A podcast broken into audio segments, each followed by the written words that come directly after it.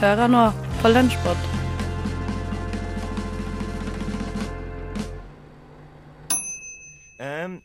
Det som skal skje nå, er rett og slett romantisk novelle.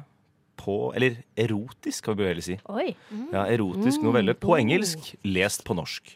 Så dette her er en live-oversettelse. Klarer du dette? Eh, vi får se. Jeg har ikke sett på dette her før, så dette her blir behagelig. Eh, for ingen, tror jeg. Eh, så hvis dere Er det trigger warnings vi burde legge ut først? Dette her er veldig explicit material, som de sier på engelsk. Altså Explicit materiell, som vi sier på Takk. Vær så god. Ja. Eh, da er det vel egentlig bare å sette i gang. Han kjørte tunga si inn i henne.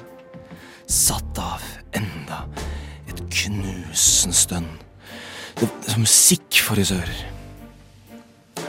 Hun var ganske så lik et instrument som å spille på. Så fint stemt, og han tok henne høyere på åh. Hun, hun lagde de mest fantastiske lyder, rå, intense, absolutt nydelige nyder av nytelse, som, altså, samtidig som han bare kjørte inn i henne med tunga si. Hun tok tak i hans hår, dro det bakover og dro han nærmere. Og mens han fortalte henne at det måtte hun gjøre. Han kjørte en finger inn i henne, bøyde den litt og traff henne rett i punktet, som fikk hennes stønn til å snu seg inn i et lang, høy orgasme. Hun ristet inntil han, hennes legg skjelvende. Og når han endelig roet seg ned og så på henne, så så, han at hennes hår var et, var et vilt kaos, og hennes ansikt, det glødet. Ja. Ja, Um, um, jeg syns det gikk fint. Wow. Ja. ja. Du er veldig flink til å oversette live, det er det. Ja, veldig flink. Eh, Eh, ja. Ja, eh, mindre lydeffekter neste gang, eller skal vi Eller, altså fra min mer? egen side? Eller kanskje mer, tenker jeg. Mer stønning fra meg? Eh, enda mer. Har vi tid til en til? Eh, ja. Ok. Kom igjen. Vi tar det med ro. Ta det med ro. Dette er en altså, annen romantisk novelle, så nå er det et annet plott. Det er viktig å få med seg. Når hun så at han var oppløst med glede, så stoppet hun. Hun bare beholdt at kanskje hvis hun Hun så for seg at hvis hun bare gjorde litt mer nå, så ville han komme. For først så lagde han en bevegelse. Hans manndom, det skalv. Og han var rett og slett plaget med begjær. Marianne ble desperat. Hun dyttet hans hånd vekk, tok hans lem inn i hennes munn igjen. Og med hennes to hender tok hun rundt hans kjønnsorgan og befølte han og absorberte ham helt til han kom. Han lente seg over henne med nytelse og ømhet og takknemlighet og sa lavt Du er den første kvinnen. Den første kvinnen. Den første kvinnen. Ja. Ja, ja um, jeg, jeg merker jo at uh, jeg tror ikke erotiske noveller er noe for meg. Nei. Og kanskje ikke på norsk. Uh, og kanskje ikke med deg som forteller det til meg, på en måte. Eh, Følte du deg veldig truffet av denne fortellinga? Uh, nei, uh, jeg følte meg absolutt ikke truffet, og jeg, jeg følte at på en måte vaginaen min krypa. ja. Mm. Ja. Ja. Eh, hvis, hvis det er effekten av det på folk, da er det jo kanskje det, her det motsatte av et eksplisitt materiell. At det er egentlig noe vi burde la mer konservative, kanskje til og med kristne, få lov til å høre litt mer på. Kanskje. Hvis dette her altså rett og slett forhindrer sexlyst, så er vi inne på noe. God morgen. Har du sovet godt? Å, godt å høre. Skal vi høre på frokost sammen? Ja, la oss, eh, la oss gjøre det. Vi har eh, under låta snakka litt om eh, noen morsomme hendelser som har skjedd med oss. Og Ingar, du har en morsom en som har skjedd opptil flere ganger. Jeg, altså, jeg blir liksom overrasket hver gang det skjer. Fordi det som skjer er at jeg er liksom på ja, i en butikk og handler. Skal ha noe brød, skal ha noe melk, skal ha liksom hverdagsvarer. Og så er det alltid noen som prikker meg på skulderen og sier unnskyld. Eh, hvor er det jeg finner eh, pasta, egentlig? Du, jeg leter etter eh, pestoen. Du, jeg, hvor, eh, hvor er, er disse på tilbud? Altså, folk tror åpenbart at jeg jobber i butikken, da. Og det syns jeg er litt interessant, fordi det, uansett eh, om det er liksom Kiwi, eller om det er eh, Coop, eller uansett hva slags butikk det er, så er det stort sett alltid en eller annen som spør meg sånne ting. Og jeg, jeg forstår ikke. Ser jeg ut som en, en, butikkansatt, eller hvorfor? Du har ikke alltid på deg en fleecegenser som matcher det den butikken du er i har Nei, ikke alltid. Noen ganger så har jeg det. Men, men jeg, jeg syns det er litt rart likevel, og det er alltid så gøy fordi at de spør meg. Og så stort sett alltid så blir det sånn overrasket, og de skjønner med en gang Å nei, han jobber ikke i butikken, og så blir de kjempeflaue, og så bare går de. Men, men det syns jeg er litt gøy, da. Men det er jo litt rart å ta så feil, Fordi i hvert fall på Kiwi så har de jo knæsj grønne fleecegensere med en ja. Kiwi-logo på, og grønne bukser og grønne sko. Der skal det godt gjøres å ta feil av de ansatte. Det skal godt gjøres, altså. Og på Ekstra har de knæsj oransje klær, og det er veldig sånn tydelig. da det, er, men det virker som at Når jeg liksom tar varer fra hylla, så ser det ut som at jeg fyller på varer. tydeligvis jeg, Kanskje gjør du veldig forsiktig, og at du gjør det sånn ordentlig. Sånn at det ser ut som at du Du går ikke og retter på varer i samme slengen? Nei, det gjør jeg ikke. Jeg tar ikke ut Jeg, jeg skjønner ikke. Men det er veldig gøy, for det er litt gøy, da. Det er det. Det, jeg jeg syns det høres veldig morsomt ut. Nå er jeg jo for så vidt butikkansatt selv, bare ikke i en matbutikk. Men det er alltid like gøy hver gang man observerer kunder som spør andre kunder om eh, hvor de finner ting. Og så er det sånn Nei, jeg er ikke Jeg jobber ikke her, jeg. Og så vet de liksom ikke helt hvor de skal gjøre av seg. Og det er alltid så gøy. Det er veldig sant. Det er litt gøy å gjøre andre flaue òg, da. Det er det. Og eh, du hadde jo også noe å dele, Josefine. ja, det var en eh, litt eh, vittig historie som skjedde når jeg var rundt jeg tror kanskje jeg var tolv år eller noe sånt. Ja. Ja, det, det, er en stund siden, altså. Ja, det er en stund siden, men okay. jeg husker det veldig godt, for jeg ble så utrolig flau. Det var i mai, og jeg var jo selvfølgelig veldig glad i russen. De var jo eldre enn meg, jeg så opp til de, og jeg hadde jo største bunken noensinne med russekort. Eh, og så ser jeg da en rød bukse, og jeg eh, går inn for sats, holdt jeg på å si. Da nærmer jeg meg, og så prikker jeg denne personen på ryggen og bare 'Kan jeg få russekort?' Og så ser, snur hun seg rundt, så er det en dame i 50-årene med nei. rød bukse. Nei, nei, nei, så gøy. Det er jo veldig For hun har vi ikke russ Eller hun var kanskje russ ja, for lenge siden. Ja, hun må jo ha vært russ for lenge siden, mest sannsynlig, men det var utrolig pinlig. Fordi både hun og mannen hennes og sikkert barnet hennes som sto rundt, så på meg som at jeg men er, denne... er det noe lurt å gå i rød bukse når det er russeperiode? Nei, det er jo ikke det. Det var på 17. mai i tillegg. Så det å gå rundt i en rød bukse på liksom, torget der hvor russen henger, ja. det syns jeg var en veldig dårlig idé når man er 50 år. Det er tydeligvis et dårlig, kanskje dårlig klesvalg å ha på 17. mai, men, men det er jo det gøy at du, du trodde at det var russ når det er på en eldre dame, da. Ja, jeg håper at hun tok det som et kompliment, at hun ser ung ut, da. Ja, det, vi får håpe det. Hun trodde, trodde at hun var ja, Hun liksom smilte jo i hvert fall, da. Hun ble ikke fornærmet. da, da er det nok mest sannsynlig at det, det gikk nok fint for hun. Jeg får håpe det, selv om jeg ble litt pinlig berørt. Har egentlig sagt det, men jeg kan si det en gang til. Radio Nova. Radio Nova. På, på DAB og nettradio. På radionova.no. Jeg har egentlig sagt det, men jeg kan si det en gang til. Radio Nova.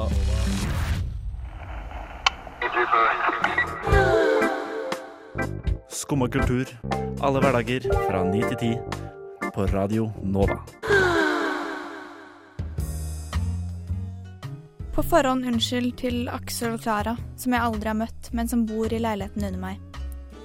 Jeg forstår om dere syns at det er rart at jeg blander meg, at dere syns dette er mellom dere to, men likevel, etter observasjonen jeg har gjort den siste uken, så blir jeg bare nødt til å blande meg.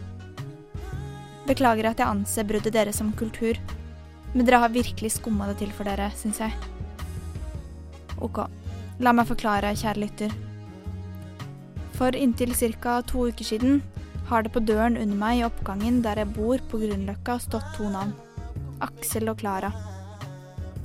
Dere vet sånne søte klistrebokstaver man klistrer én for én? Her bor Aksel og Klara.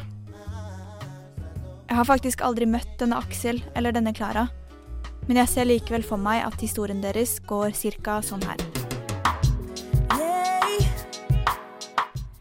Klara, en blid og belest jente fra Oslo, møter på Aksel under et arrangement på Kulturhuset når de begge er 22. Aksel fra Arendal er på Kulturhuset nesten hver helg i denne perioden, for virkelig å omfavne denne nye byen han har flyttet til. Suge til seg det han kan av Oslo-kultur. Han faller pladask for Klara fra første stund.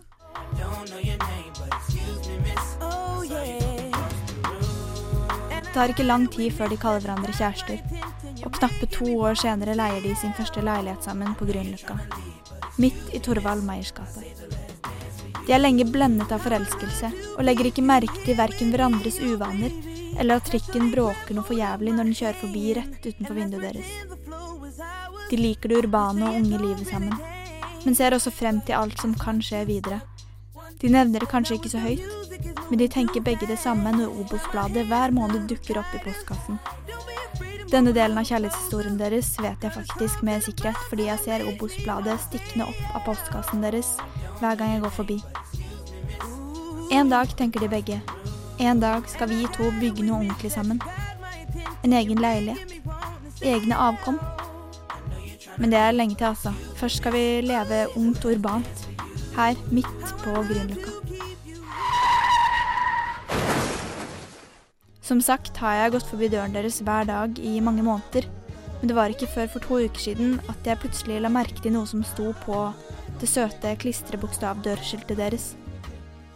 Eller heller hva som ikke lenger sto. Der bokstavene 'og Klara' før hadde stått, var det nå bare hvite rester etter klisteret igjen. Spor etter negler som forgjeves hadde prøvd å skrape det vekk. I hast, i sinne, i desperasjon. Mens han gråt, kanskje. Så Aksel og Klara, hva skjedde? Tenkte jeg, og har jeg tenkt hver dag jeg har gått forbi døra siden. Men så, i går dukket det opp noe utenfor døra deres, og jeg fikk enda et hint om det dramatiske og plutselige bruddet til mine naboer. Utenfor døra lå det nemlig slengt en Ikea-bærepose full av klær. Og jeg, som hadde gått og tenkt mye på dette bruddet i leiligheten under meg, kunne ikke dy meg. Jeg måtte bort for å se ned i posen, bare sånn kjapt. Og der, midt blant det jeg gjettet meg til var Klaras klær og sko, lå det noe. Noe som minnet mistenkelig mye om en søppelpose. Det lå en søppelpose, altså knytt sammen, men full av matrester og alt annet man putter ned i søpla si. Nei. Nei, nei, nei, tenkte jeg. Aksel! Hva i all verden kan Klara ha gjort mot deg som gjør at hun fortjener denne usmakelige straffen? Hva med den første kvelden deres på Kulturhuset? Hva med alle årene deres sammen? Hva? Hva, hva, hva? Aksel og Klara? Og ja, jeg vet at dette er deres brudd og deres liv, men jeg syns likevel det angår meg også, som deres nabo. For tenk at noe så fint kan bli så rotet til. Hvis dere hører på Aksel og Klara, tilgi meg for at jeg engasjerte en gjeng radiolyttere i bruddet deres, men jeg bare Jeg håper dere finner ut av det. Og så, og så kunne det vært fint å bare høre hva som har skjedd. Ja, jeg bare tenker det er greit for en nabo å ha litt oversikt. En lapp i postkassen min med en liten oppsmøring holder. Hva har Klara gjort, hvorfor søppelposene, osv. Jeg venter spent, og det tipper jeg radiolytterne også gjør.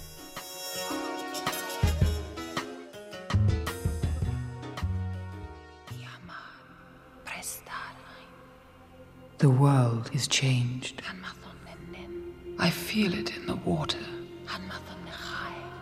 I feel it in the earth. I smell it in the air. Much that once was is lost. For none now live who remember it. Slik åpner Peter Jackson sin filmatisering av Ringenes herre. Stemmen du hører, tilhører Galadriel, og den mektige alvekvinnen prater på sitt eget morsmål, sindarin. En av 15 alviske språkvarianter skapt av JRR Tolkien. En helt mørk skjerm møter filmpublikummet gjennom de første 20 sekundene av en av tidenes største filmtrilogier. Språket det får alt fokuset, og det er egentlig ganske passende. Uten Tolkien sin kjærlighet for språk, så hadde det ikke blitt noen Ringenes herre. Gjennom hele livet så elsket den engelske professoren språk. Allerede i starten av 20-årene så hadde han startet å konstruere sine egne språk, og det holdt han på med helt til han døde i 1973. Tolkien elsket virkelige språk, og skapergleden i starten var i stor grad basert på estetikk. Han fant stor glede i å kombinere lyd, form og mening på helt nye måter. Men Tolkien mente at ethvert språk trengte en kultur. Skapelsene av språkene er grunnlaget. Historien ble laget for å skape en verden for språkene. Slik beskriver Tolkien selv viktigheten av språk i hans verker. For tolken så var skapelsen av en mytologi, som Ringenes herre, umulig uten å ha et eksisterende språk. Og den type mytologi som springer frem fra språket er, ifølge tolken, påvirket av språkets fonetikk. Sindarin er en nytelse å høre på, poetisk i lyden og like elegant, smidig og flytende som alvene som oppsto rundt det. Black Speech, som trakteres av Sauron og hans lakeier i Mordor, er en helt annen historie.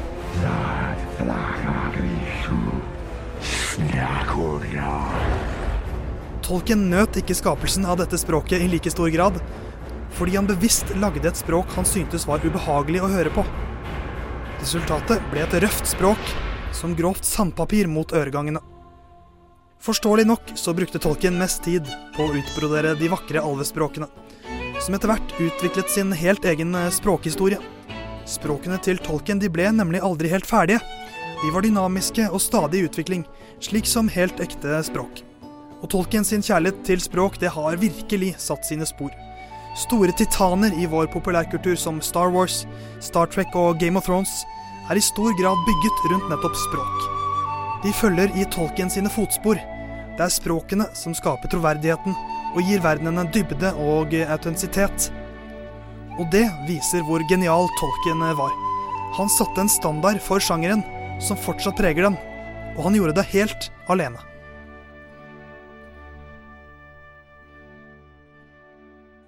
Nova Noir gir deg filmnytt og anmeldelser. Torsdager fra 10 til 12. På Radio Nova.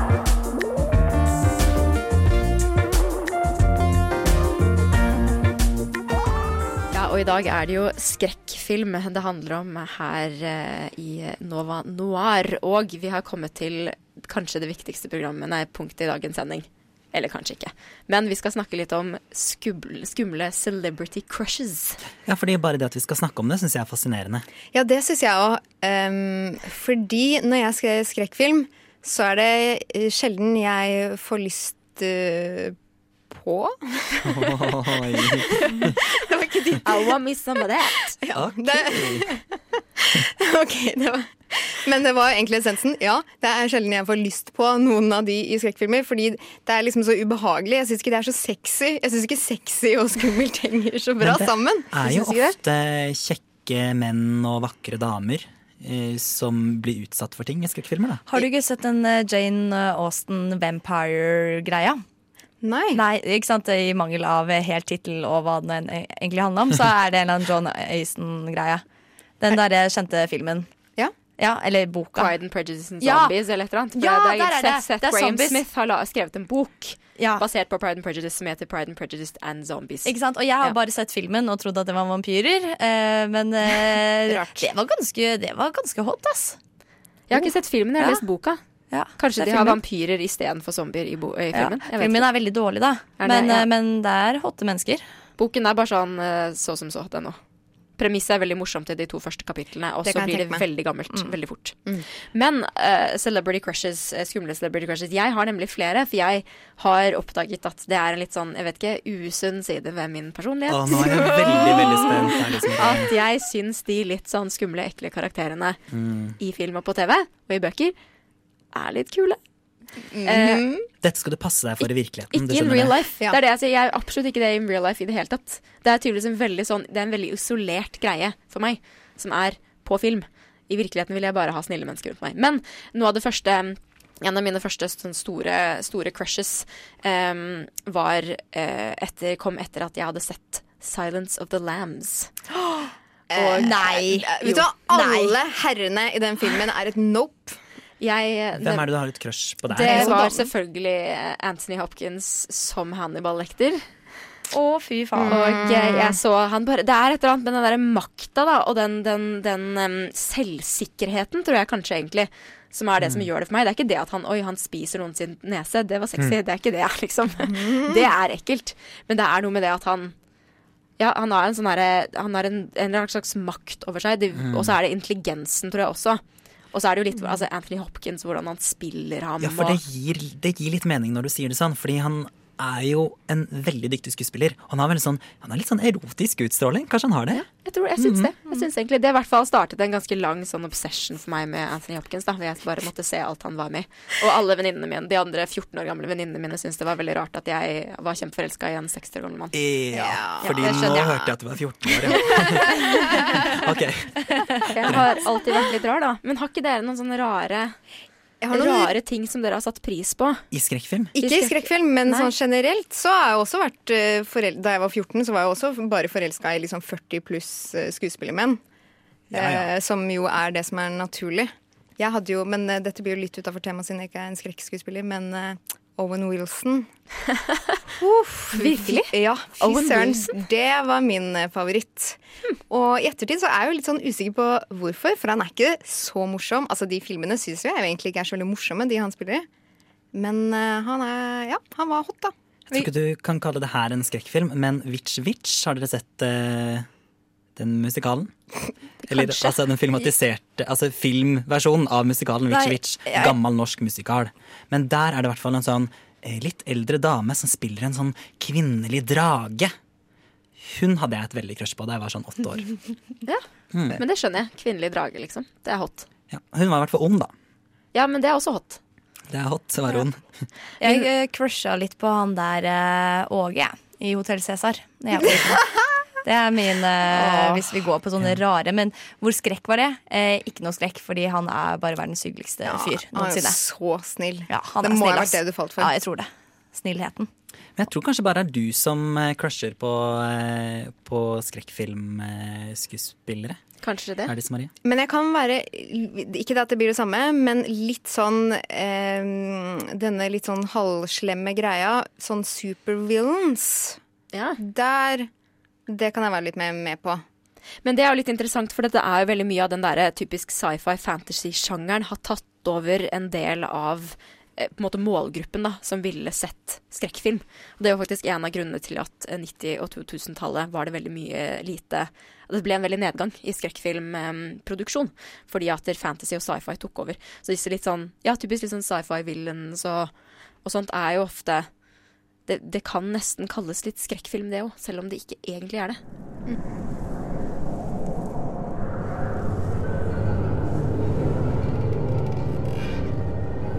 Det rumler og knirker og suser og durer.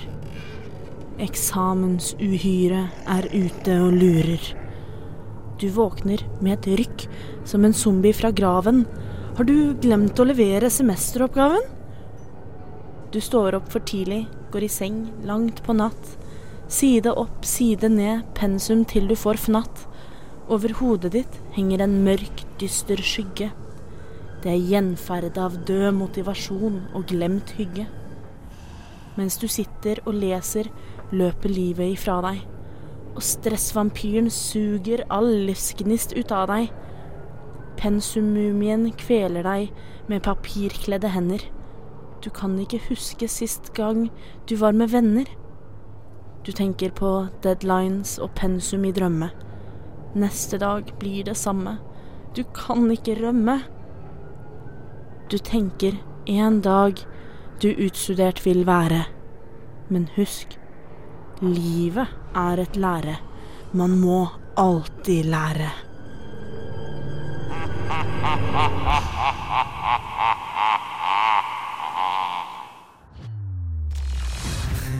egentlig sagt det, men jeg kan si det en gang til. Radio Nova. På, på, DAB og nettradio. På radionova.no. Jeg har egentlig sagt det, men jeg kan si det en gang til. Radio Nova. Som mann kan jeg aldri bli gravid. Jeg må innrømme at jeg av og til har sett på graviditet som noe fremmed og kanskje litt ekkelt. Derfor tok jeg turen ut og spurte de som hadde vært gravide.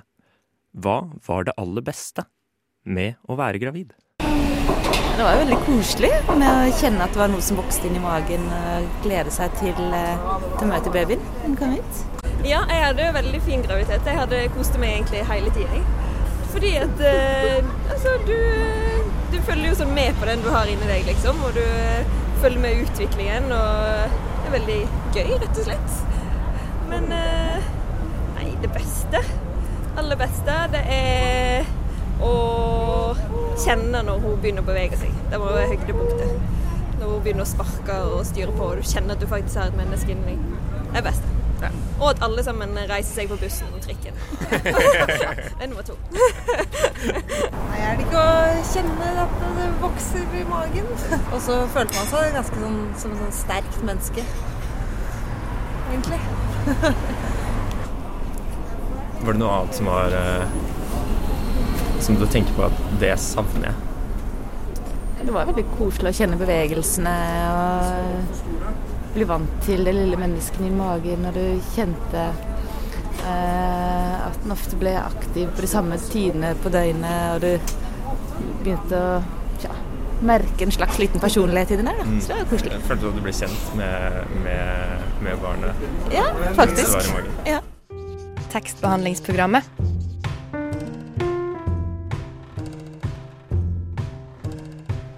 Tekstbehandling på radio.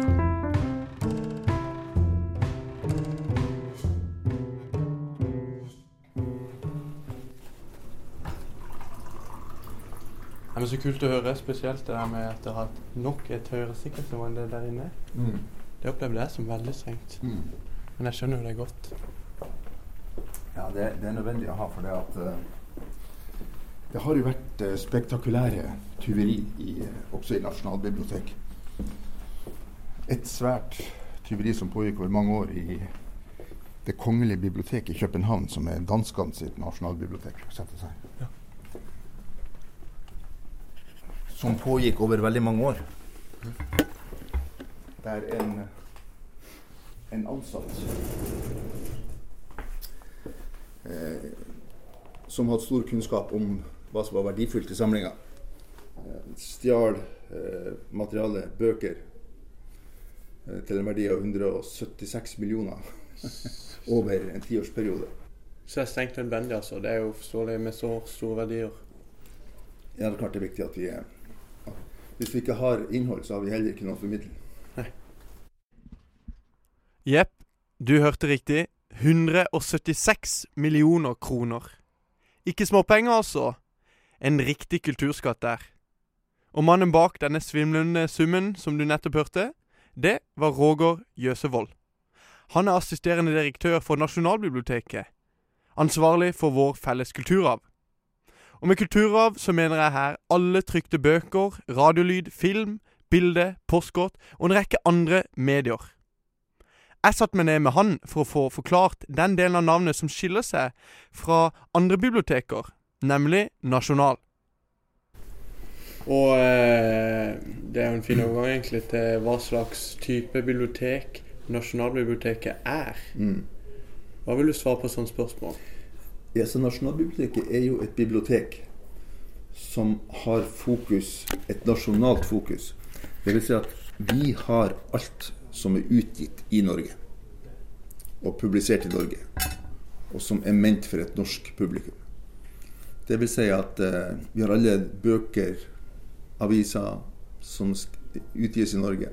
Og på boksida så har vi norske forfattere, vi har jo også utenlandske forfattere som er oversatt til norsk og publisert i Norge. Mm. Vi har alle radio- og TV-sendinger som noen gang er, er sendt. Eh, vi har eh, alle postkort. Vi har masse reklamemateriell som også blir gitt ut. Så du kan si at egentlig så har vi et relativt komplett bilde av Norge opp gjennom historia, år for år. Åssen så det offentlige Norge ut i 1870? Det vil du kunne få svar på ved å gå gjennom samlinga våre. Eh, Alt fra bøker, tidsskrift, eh, som jeg sier, reklamemateriell, den type ting. Folk sier det er en eh, nasjonal hukommelse. Ja, vi sier oss jo at vi, eh, vi kaller oss jo vår felles hukommelse. Men så det som skiller, er egentlig bare at dere har alt? At det fins nesten ikke grenser for hva dere har av norsk innhold? Nei. I prinsippet skal, det- ikke være grenser for det. Ingen grenser? Vanvittig. Se det for deg. Alt av bilder, postkortreklame, bøker, radio, TV osv. osv. Alt som er laga. Alle bøker, alle aviser. Hvert eneste skriveri. Vås, spissformulering, fjas, mas og et annet reisebrev fra en og annen lokal som har vært ute i den store verden og skrevet hjem til lokalavisa. Alt samles altså hos Nasjonalbiblioteket. Det kan da umulig stemme? Kan jeg se? Eh, det verdifulle materialet har vi i et sikringsmagasin under bakken her, og i et sikringsmagasin i fjell i Mo i Rana. Som jo er helt avskåret ifra eh, publikum er helt avskåret ifra å besøke. For det må vi jo snakke litt om. Det fins altså et hvelv under bakken her, Ja. og et i Mo i Rana, Ja. som tar vare på alle disse bøkene vi snakker om, og alle disse medietypene vi snakker om. Riktig. Er det rett under bakken nå? Ja, det er, det er sånn at eh, hvis du sitter her i, i Oslo, på Solli plass som vi er nå, så er det under det bygget som heter Halvbroren, er det tre etasjer under bakken med magasiner. Hvor mange bøker er det der? Vet du det? Ja, det, vi vet jo at eh, det er ca. 45 000 hyllemeter. 45 000 hyllemeter. Ja, så kan du jo ta en hyllemeter her. Tre etasjer. bøker, Fylt med bøker. blir det atskillig- det blir et antall. 4500 hyllemeter. Det er 450 fotballbaner, det. På rekke og rad. Enormt. Enorm! Det er som om jeg står der selv der jeg sitter. Hallo! Hallo! Og de bare står der, beskytta. De står der, og de, men de brukes. Det er de som bringes opp til lesesalen hvis, du, hvis folk spør etter dem. Yes. Så det er et system der for at du kan ta i bruk disse bøkene. Ja, ja, altså alle er registrert, og de som jobber hos oss eh, for å eh, ha oversikt og for å betjene publikum, vet akkurat hvor hen de skal gå for å finne akkurat den boka du leter etter. Hva med Mo i Rana, da? Så er det Mo i Rana, der har, vi, eh, der har vi det som vi kaller forsikringseksemplaret. Det vil si, det er den boka som Det eksemplaret som vi bare setter der, og som ikke skal brukes noen gang, bortsett fra eventuelt å lage en ny kopi hvis alle andre eksemplarer er ødelagt. Så vi har også i fjellet i Mo i Rana et magasin med 45 000 hyllemeter cirka, i fjellet, som tar vare på ting. Cirka samme størrelse? Cirka samme størrelse okay. her i Mo i Rana. Så de matches. Kommer ny bok her, kommer ny bok der. Ja, i, i løpende så gjør det det. Eh, så har vi i tillegg eh, et stort prosjekt i Mo i Rana der vi bygger ut to store fjellhaller til. En som er like stor som den vi har fra før, på 45 000 kvadrat, nei, hyllemeter, som skal brukes av Nasjonalbiblioteket. Og så bygger vi ut en enda større hall på 65 000 hyllemeter, som skal brukes av Arkivverket. Og og om alle de 4500 fyllmeterne alene bøker går rett til hodet, se for deg en tredobling av kapasiteten, du. Roger understreker nemlig at det er plass til stadig mer. Hvis en blogger kommer ut med en bok nå, Mm. så sendes det opp til Mo i Rana. Det gjør det. Det av, avleveres eh, ca. 13 000 ulike boktitler i året som eh, sendes til Mo i Rana. Med et eksemplar som går rett i fjellet der, og så kommer det et eksemplar til lesesalen. Uansett. Kvalitet. Alt. Uansett kvalitet, det kvalitetskontrollen er det ikke vi som gjør, det gjør utgiver. Eller hvis du gir et eget for- forlag, så gjør du det sjøl. Ja, det som står i, det som sto i loven, er jo at eh, hvis du snakker om trykte ting, Ja. så det som mangfoldiggjøres i mer enn 50 eksemplarer Det er ikke mye. Så hvis du har en stor bursdag og invitasjonen din går til flere enn 50, så skulle han i prinsippet ha vært sendt inn. Da. Ja, men, Men det er, jo en, det er jo en måte å angi det på. Ja. Altså, ja. Så hvis jeg i prinsippet trykker en bok 52 ganger, så sender den inn til dere, så vil dere ta og lagre den? Ja, klart. I fare for å gjenta meg selv her. Hvert eneste Se og Hør-blad. Hvert eneste Challenger-reklame av NTNU. Hvert eneste Arbeiderblad. hver eneste bok som noen gang er trykt. Hver eneste minutt fra NRK, fra TV 2, fra P4, fra Radio Nova. Åh, nå kjenner jeg blir litt stressa her. Uh. Men seriøst, hvorfor alt dette styret? Hvorfor, hvorfor fins Nasjonalbiblioteket? Ja, Det som vi var inne på i sted, det er jo vår felles hukommelse. Det er Ja. dit vi skal gå for å finne svaret. Det er dit fremtida skal gå for å finne svaret på hva som foregikk i 1930, hva som foregikk i 1870, hva som foregikk i 2018. Og hvorfor tenker dere det er viktig? Det er viktig for en nasjon å ta vare på sin historie, så vi ikke som nasjon og som folk blir historieløse. Men kunne man, kunne man sett for seg at man eh, minska liksom de grensene litt der? Bare, eh, tok vare på noe av det i overflaten, og sånn sett gjorde oppgaven litt enklere? Ja, det, det er jo selvfølgelig mulig, men da må vi jo stille spørsmålet er det vi som skal bedømme hva fremtida skal kunne interessere seg for. Er sant. Og da driver vi jo egentlig en slags forhåndssensur. Og det er jo, bra, det er jo ikke bra verken ut fra et sånt uh, kulturhistorisk perspektiv, eller for så vidt et forskningsmessig perspektiv. Uh, da vil vi jo inn, innskrenke mulighetene for fremtidens uh, forskere til å forske historier i betydelig grad. Og det, det kan vi jo ikke gjøre. Um, Vi bruker å si det sånn at det er, det er kun Nasjonalbiblioteket som tilbyr evig liv. Til alt og alle som vil ha det. Til alt, alt. Er det, er det noen ting, noen medier, kanskje noen tekster som eh, diskuteres om skal inkluderes, men som foreløpig ikke er blitt inkludert? Nei, du kan si at eh, de største utfordringene vi har med å ta vare på, på innhold som er, som er ment for et norsk publikum, er jo de nye digitale mediene. Eh, Når det gjelder internett, ting som eh, publiseres over internett, mm. så har vi en nedhøsting av det. Det vil si at vi med jevne mellomrom høster ned det norske domenet, eller .no-området. Jøss. Eh, Og det er jo milliarder av dokument som kommer i ei, i ei nedhøsting. Lagres det? Det lagres. Vi har et svært digitalt eh, sikringsmagasin i, eh, i Mo i Rana. Der eh, både det som vi digitaliserer sjøl, og det som vi høster inn digitalt, lagres. Og så var det den digitaliseringa, ja. Biblioteket har etter en bestemmelse fra 2004 bestemt seg for å gjøre alt de har lagret, tilgjengelig, søkbart på nett. Og ja, du gjetta det. Alt! De gir seg nemlig ikke med litt. Men over 200 år med historie, det vil ta tid å gjøre søkbart på bibliotekets nettside. Jeg har noen bilder fra Mo i Rana her. Ja, se der. Kan du beskrive hva vi ser? Ja, det du ser her, er Du ser to bygg her. Her er et, eh, et kontorbygg, altså vanlig kontor, kontorareal. Det du ser her, er et bygg der vi digitaliserer eh, og jobber med audiovisuelt materiale. Vil si her jobber vi med film, med musikk, med kringkasting. Så her foregår det mye eh, digitalisering av alle, alle de mediene som jeg nå eh, nevnte.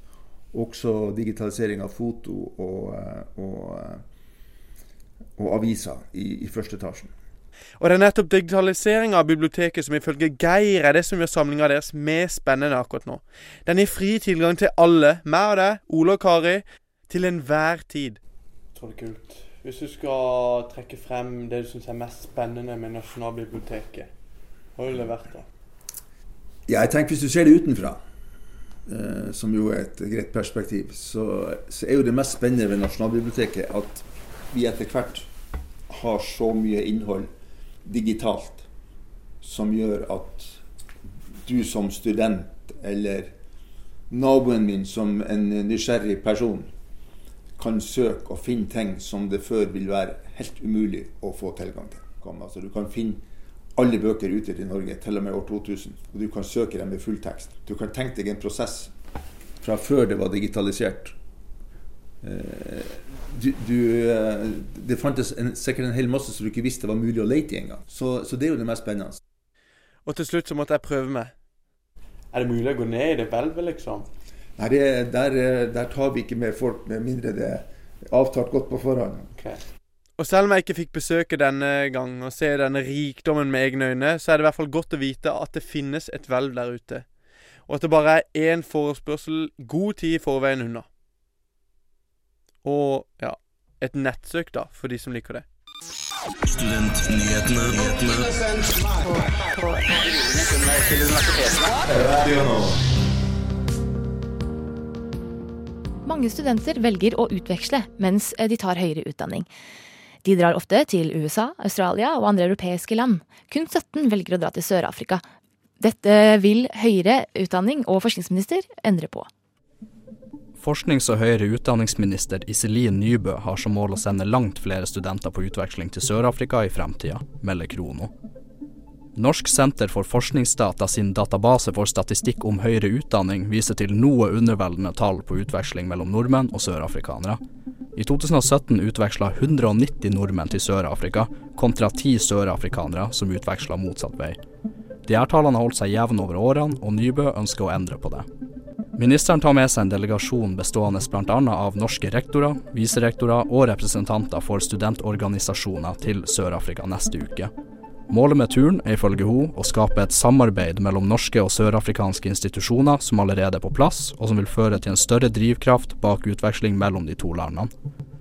Nybø sier at de har mye å gå på og sikter til utvekslingsstatistikken. Blant norske utvekslingsstudenter velger i dag 17% å dra til Sør-Afrika. Hun ønsker å se et tall nærmere 50% og påpeker at flere av de ledende universitetene på det afrikanske kontinentet ligger i Sør-Afrika, og at flere av dem er virkelig høyt rangert globalt.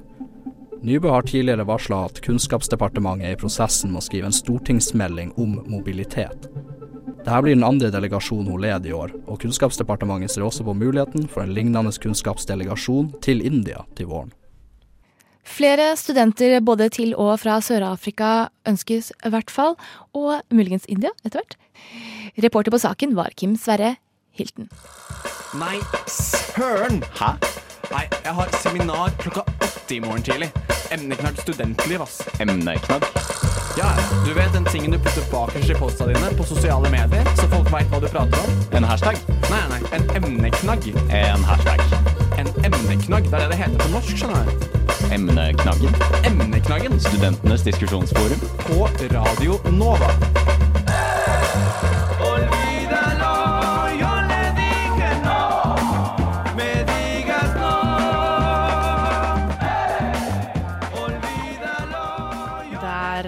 Hørte du Bang Boom Crash av eh, Tel Aviv. Og du hører fortsatt på Emneknaggen her på Radnova, som er studentenes diskusjonsforum. Og du hører det med meg, Anna Nordrehaug, og Martin Mathiassen, som jeg også har med meg. Det er helt riktig. Ja, og vi sitter jo her med deg, eh, bartender Sander Johansen, og diskuterer den nye ordningen av tipspengene som har blitt eh, foreslått i statsbudsjettet. Um, og ifølge Finansdepartementet så er jo dette til fordel for de ansatte som nå til dags er i en bransje som ikke gir de en så god økonomisk sikkerhet. Men eh, du, eh, Sander, du er fortsatt veldig imot eh, dette forslaget av bl.a. diverse avgifter som følger med. Ja, det er jo det som er altså Samla sett så vil en bartender, en servitør, alle de som jobber i bransjen, vil gå ned i inntekt totalt sett. Så kan det, sånn, de, de sier jo f.eks. at det vil være bra når man skal søke banklån, Ja. eh, som er et av argumentene. Og det er jo superfint. Men hvis det fortsatt skal betale skatt av tips og det skal innrapporteres, det ønsker vi også. Da vil det fortsatt stå på lønnsslippen din, og det vil akkurat samme utgangspunktet når du skal i banken og søke lån. Dessuten så er jo det tips en variabel inntekt, så jeg er ikke helt sikker på om banken nødvendigvis vil gi deg lån basert på den inntekten der. Mm. Jeg lurer på, uh, Det er bare et spørsmål jeg kom på når vi drev og forska litt på denne saken. her. Hvor mye er det sånn man gjennomsnittlig kan regne med å tjene av tips i løpet av en måned? da, eh, Hvis du beregner. Nei, altså det er selvfølgelig veldig varierende. Ja, selvfølgelig. Men uh, altså, man sier vel Vi har vel sagt tidligere at uh, som en bartender så ligger vel cirka tipsen på 3 av omsetning. Og som servitør er noe høyere, kanskje en 5% som er en snittet. Så det gjør jo at tipspengene er eh, ganske viktig. Ja, definitivt. Ja. Absolutt. Men hadde det egentlig ikke vært bedre å bare få høyere lønn, eh, i stedet for å slippe å for eksempel måtte irritere seg eller glede seg over hvilke mennesker som gir lite og mye tips? Mm. Ligger problemet egentlig ikke i at arbeidsgiverne eller eierne av bedriftene eh, burde betale dere ansatte mer i lønn, slik at de ikke er avhengig av tipsen på sånn måte? Jo, det er jo et argument som selvfølgelig de som er for dette forslaget, kommer med. Uh, det hadde selvfølgelig vært helt topp, det helt supert hvis vi kunne opp i lønnen, men det er en grunn til at ikke lønna er så høy i denne bransjen. Det er så utrolig små marginer, og det som kan bli resultatet av det, er eventuelt at steder må legge ned. De har ikke råd til å drive på å betale folk mer. Ja, Kan du gå litt dypere inn på det? Hvorfor er det Du sier små marginer, men hvorfor er det så lite Nei, det, er, det, er, et tøft marked. Altså, Hvis du bruker Oslo som eksempel, så er det utrolig stort tilbud av utelivssteder, konsertscener osv. Og, jeg syns det er kjempepositivt. Jeg synes det er veldig synd hvis det tilbudet skal forsvinne. Fordi at folk blir pressa til å sette opp eh, arbeidstakere i lønn. Mm. Og Dessuten så er det jo sånn folk som har vært lenge i den bransjen, eh, og har lyst til å fortsette å være i den bransjen her. Vi er kanskje de som er mest avhengig av å ha den inntekten høye osv. Men hvis arbeidsgiver ikke har råd til å betale det, så er det jo absolutt andre som helt sikkert kunne tatt vår jobb, da. Ikke sant. Så det er uh, arbeidsgivers marked, uh, nesten. Ja. ja. Men du snakket litt uh, før i sendingen her om denne arbeidsgiveravgiften på er det 14,1% Ja, det varierer litt fra kommune til kommune, tror jeg. Ja, og det er det jo, det er det jo arbeidsgiver som skal betale. Men ja. det har også kommet informasjon, feilinformasjon eller en hypotese hvor at denne arbeidsgiveravgiften vil bli trukket av tipsinntjeningen til de ansatte hvis f.eks. arbeidsgiver ikke kan ha råd til å, til å betale denne selv. Ja. Men hvor er det dere får denne informasjonen fra? Nei, altså Vi har jo hørt litt rykter om det lenge. liksom. Vi har frykta at dette kommer til å skje, og vi har prøvd å advare Fellesforbundet osv. om dette. Eh, så var vi på bransjeforum med NHO da i forrige uke, to uker siden. Eh, der har de satt opp en modell der de bekrefter at de anbefaler alle arbeidsgivere å trekke arbeidsgiveravgift og administrasjon av dette her direkte fra tipsen. Det er jo klart for de fleste at noe, noe er galt med verdensøkonomien. Alvorlig galt. First thing I, I went into prison a young man and I got out of it a very old man. Du hører på Opplysningen 99,3 på Radio Nova. Hvor mange biler skal skvises inn i en by som er trang nok fra før? Og hvor mange høyhus mot himmelens skinn før skyggen lar gatene blø? Foran Stortinget har en flokk med mennesker samla seg etter å ha marsjert fra regjeringskvartalet. Her manes det til opprørsstemning, og i hendene så holder de et bilde av Jackie Kennedy. For i 1975 så klarte hun å redde Grand Central Station i New York. Helt i ellevte time. Spørsmålet er om det i det hele tatt finnes noe alternativ for Y-blokka. Den skal nemlig rives i 2019. Hvorfor har vi en tradisjon for å rive historisk arkitektur i dette landet og i denne byen? Hvorfor gjør vi samme feilen om og om og om igjen? Når skal vi snu i tide? Det sa KrF-politiker Oddbjørg Minos under folkeaksjonen for Y-blokka onsdag kveld. Her lærte jeg å gå, det gjorde pappa òg. Her har man vokst opp og bodd i over tusen år. Etter krigen skulle Norge bygges opp igjen, og da trengte vi også symboltunge, nye regjeringsbygninger. Dette oppdraget gikk til arkitekten Erling Viksjø. En pioner innen norsk modernisme. Alt før krigen hadde han vunnet arkitektkonkurransen, men det skulle ta helt til 1958 før Høyblokka var klar, og i 1970 kom Y-blokka på plass.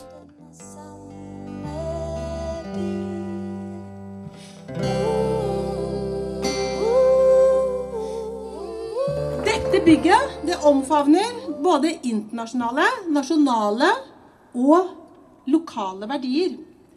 Regjeringsbygningen må ses i sammenheng med FN-bygningen i New York og Unesco-bygningen i Paris. Og den viktige gjenreisningen og oppbyggingen vi har hatt av demokratiet vårt som skjedde etter andre verdenskrig. Viksjø tok patent på en spesiell teknikk med bruk av naturbetong, og bygde med steiner fra norske elveleier. Helt identiske vinduer skulle vise likhet mellom høyt og lavt i hierarkiet. Til og med sjølveste Pablo Picasso var en fan av Viksjø. Derfor tegna han kunstverket 'Fiskerne', som Carl Nesjar sandblåste inn i endeveggen, som peker rett ut mot Akersgata i dag. Det skal ikke ødelegges. Nestleder i Oslo SV, Carl Morten Amundsen, er en av forkjemperne for å bevare Y-blokka. Vi kan ikke finne oss i at det er terroristen som skal, som skal være formgiver for store deler av denne byen. Men så skjedde terrorhandlingene den 22. juli, og prosessen har vært lang for å avgjøre hvordan regjeringskvartalet skal bygges opp igjen. I 2024 skal bl.a. statsministerens kontor flytte tilbake. Kommunalminister Monica Mæland levner svært lite håp for Y-forkjempere. Til Aftenposten på onsdag var hun klokkeklar på at Y-blokka den skal rives. Hvis ikke måtte sikringsambisjonene senkes, eller sjølve regjeringskvartalet flyttes, mener hun. Men de kjemper allikevel, med håp om at bygget ikke skal føye seg inn i en lang rekke med historie som prega og forma Oslo i lang tid, men som til slutt måtte gi tapt for nye, moderne hus. Det skjærer i hjertet til dikter Jan Erik Vold. Det er som en regel i Oslo at alt som er over 50 år gammelt, står i fare for å bli borte. Radionova er best. Alle andre er tapere. Radio Nova. Mm.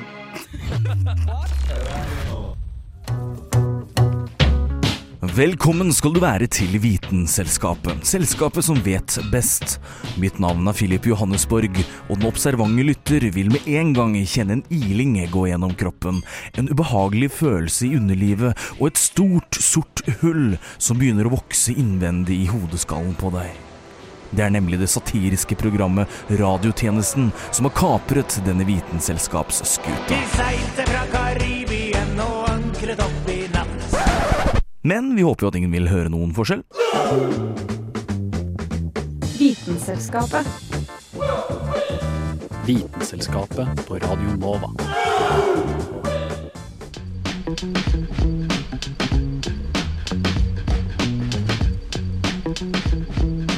Vite nytt. Det du trenger å vite. Og nå skal vi få noen nyheter fra forskningsverdenen. En ny studie viser nå at livet er for kort, og en annen studie avslører at kvinner også kan bli kåte uten rødvin. Men det skal sies at denne doktorgraden ikke er blitt etterprøvd. En annen studie viser at livet kun er en lang nær-døden-opplevelse, og en ny flott vaksine har nå ført til at Dagbladet må legges ned. Men det viser seg jo at det er fortsatt veldig, veldig mange ubesvarte spørsmål her i verden. Som for eksempel hvorfor er det så få som sender tilbake bowlingballer når det er så mange hull i dem?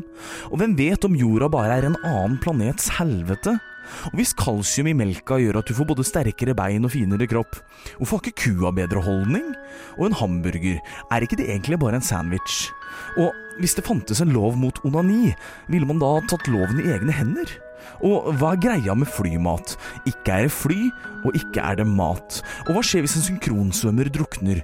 Vil da resten av synkronsvømmerne også drukne? Og hvor reklamerer egentlig alle markedsføringsfirmaene? Og hvis kjærlighet gjør deg blind, hva skal da kvinner med sexy undertøy? Og hvis Deli de Lucan på Torshov er døgnåpen hele året, hvorfor er det da lås på døra? Åh, og hvis en støvsuger suger, er den da bra eller dårlig? Hvorfor kommer pizzaen i firkantede bokser når den er rund? Og hvis et ord er feilstavet i ordboka, hvordan skal man da finne ut om ordet er feilstavet? Og hvis du kjører en bil i lysets hastighet, og så setter på frontlyktene, hva skjer da, liksom? Og, og, og hvorfor har Donald Duck alltid på seg et håndkle når han går ut av dusjen? Han er jo alltid naken! Åh, og hva kom egentlig først, var det høna, eller var det egget? Det er så mange spørsmål, så få svar. Likevel, jeg har forsket litt på hva som kom først. Jeg og daten min satte oss ned på en frokostkafé en dag, og hun bestilte seg eggerøre og bønner. Jeg derimot skulle ha svar på mitt spørsmål, så jeg bestilte både høne og egg.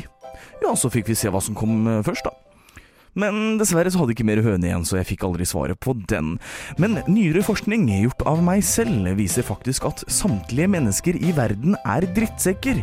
Eksempel her om, her om, dagen. Da gikk jeg ned gata på Torshov, som jeg pleier å gjøre. Forbi meg gikk det en stor gruppe mennesker. Så jeg snudde meg og ropte etter dem. Hei du, din drittsekk! Og så snudde alle seg, gitt. Så der, der lærte dere noe i dag også. Din drittsekk. Du hører på Rushtid.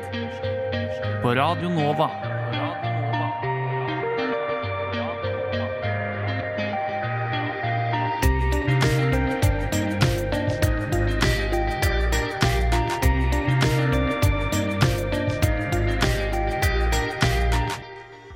My Blood med Pompoko hørte vi her altså på rushtid med Nerdebrigaden til stede fortsatt.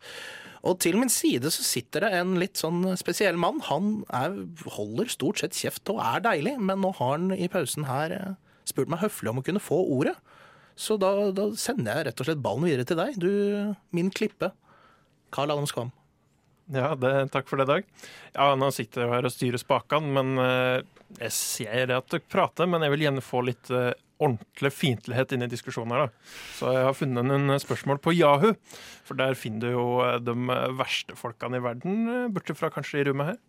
Så da er det et eh, par spørsmål jeg har som eh, virkelig kanskje får litt fart i diskusjonen. For det første spørsmålet her eh, er Hadde verden vært bedre hvis den var helt kvinnedominert? Nei. Nei. Ja, er det ingen som uh... Full dominanse er aldri bra, uansett hvem Nei. som dominerer. Ja, det, Jeg vil si at vi må ha uh, mer uh... Fuck off, da. Så mannedominans er liksom bra, da, Dag. Dag har sin dominatrix, da. Det er jo da litt mer sånn Jeg tror det eneste som kunne vært bra dominanse, var Seiman-dominanse, eller et eller annet sånn Jeg liker Seiman Eller godteridominanse kunne vært Altså, det, det, det rette lederskap, den, lette, den rette føringen av folket. Da kan det gå med fullstendig dominans. Nei, ja. Men jeg syns det er greit å ha um, lik uh, si, representanse fra liksom, kvinner og menn og fattige og rike og liksom alt. da. Likestilling er jo ja, egentlig- men, men liksom i uh, si, ledelsen da, si, av et land eller verden eller noe, så vil du jo gjerne ha et godt utvalg, og ikke bare Alle minoriteter skal bli representert. Ja, fordi Hvis man mener ja, at Mm. kvinner bør dominere verden, så er det en veldig mannlig tanke å tenke. da. Så det er ironisk da, Hvis det er en feminist som har kommet med dette forslaget, Hvis det er en kvinnelig feminist som har kommet med dette forslaget, så har hun bare appropriert den mannlige tanke om totaldominans, og er dermed veldig lite feminist. Men det, er jo en, fa- eller det er jo et faktum at eh, land som er styrt av kvinner, og har tidligere også vært styrt av kvinner, eh, gjør det bedre enn andre land. Men jeg leste her om et land hvor det faktisk er stor kvinnedominans i hverdagen, som det ikke går så bra med det andre kjønnet. Og Og det er Italia. Det var ikke Norge, altså. Med Og det, det er uten å tulle. Skosi. Uten å tulle. Ja. Disse italienske mennene er så dominert av sine mødre. Lærer ingenting om Ja, hjemmet ja, eller noe i oppveksten. Så det er totalt avhengig av kvinner i livet sitt. De kan ingenting. Men da er det litt annerledes uh, å være uh, å si, dominert av de, som du sier, enn at du faktisk lærer noe av dem. For da er det jo da er det ikke sånn at de lærer dem hvordan man gjør ting. Det er bare sånn gjør sånn og sånn. Ja, men jeg, sånn føler, som jeg føler det her er en meget utspekulert variant av splitt og hersk. Jeg ville egentlig sagt at det er et ganske klart svar på dette spørsmålet. og Det er at nei, det hadde ikke vært bedre med ren dominans av kvinner. Fordi Det er ikke noe mye bedre enn å, å ha dominans ren av noe som dominans helst annet. menn. Nei, vi, trenger, vi Ja. trenger begge kjønn, vi trenger alle mulige typer av alt mulig rart for at det skal bli et samfunn og fungerende samfunn. Her var det altså litt, kanskje for lite fiendtlighet til Carl sin smak, men vi er da ganske enige alle sammen. Så sorry, Carl. Vi er, Sorry, vi er eh, snille og greia og enige. Ja, det var ikke noe ekstremister. Det var veldig lett å høre. Har du noen Eh, flere dilemmaer for oss? Eller? Jeg har et spørsmål som går helt i andre retninga, for det var jo ganske feministisk, det spørsmålet der. Nå lurer jeg på hvorfor i all verden er det kvinnfolk driver og styrer med sånn fancy eh, omtid, sånn lingerie og sånn, når de bare skal ta det til seg uansett? Hva, hva mener du med lingerie? Lingerie. Ja, Blondetruser og sånn. Ah, sånn, Ja. ah, ja, Det skal jo bare topp. Og så um, korsett og sånn. Å, fy faen. Da er fikk jeg det litt lyst til å slå som deg i må svare fjeset. Carl.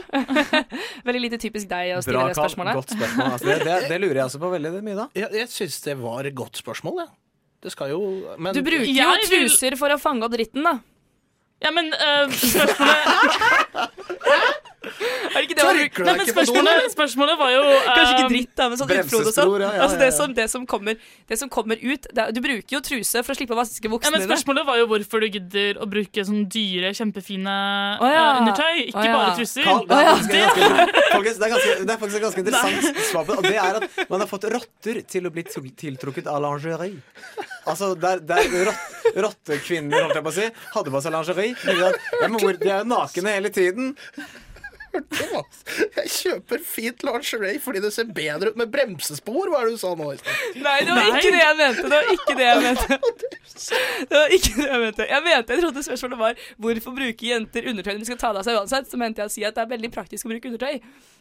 det er fordi det skal være altså man, Spørsmålet var ikke Full blown hvorfor- nudity er gørrkjedelig. Man må bygge det opp. Og Ja, bygge men det jeg, holdt å si. jeg vil jo snu, uh, snu svaret litt rundt, da. Fordi du sa det som liksom Å, hvorfor eh, gidder kvinner det her? Men det er jo litt sånn eh, De som logget reklamene til å begynne med, var jo menn. Det er jo menn som ville at kvinner skulle ha på seg Så det ble jo Uh, reklamert mot kvinner, men av menn.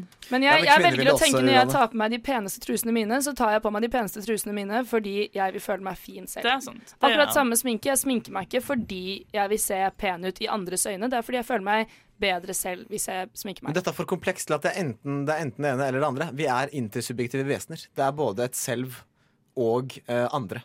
Og de er gjensidig eh, avhengige. Men jeg, jeg vil bare si at generelt så er det liksom sånn noen liker å bruke penger på dyre truser, og andre liker å bruke penger på kaffe. Ja. Det er liksom Så jeg vil jo si eh, svaret, svaret er fordi vi liker å se pene ut for oss selv. Altså, menn bruker jo også masse penger på boksere. Ja, jeg har er på meg en Bjørn Borg-bokser nå. Den er ikke billig, si. Jeg husker tilbake at det var en, det var en periode det var en silkeboksertrend også. De var jo ikke spesielt komfortable å ha på seg, Nei. så hvem vet hvorfor den kom. Der har vi godt spørsmål. Men eh, fra undertøy til et sted hvor man kan gå i undertøy. California. Friends heter sangen, og den er av The Regrets.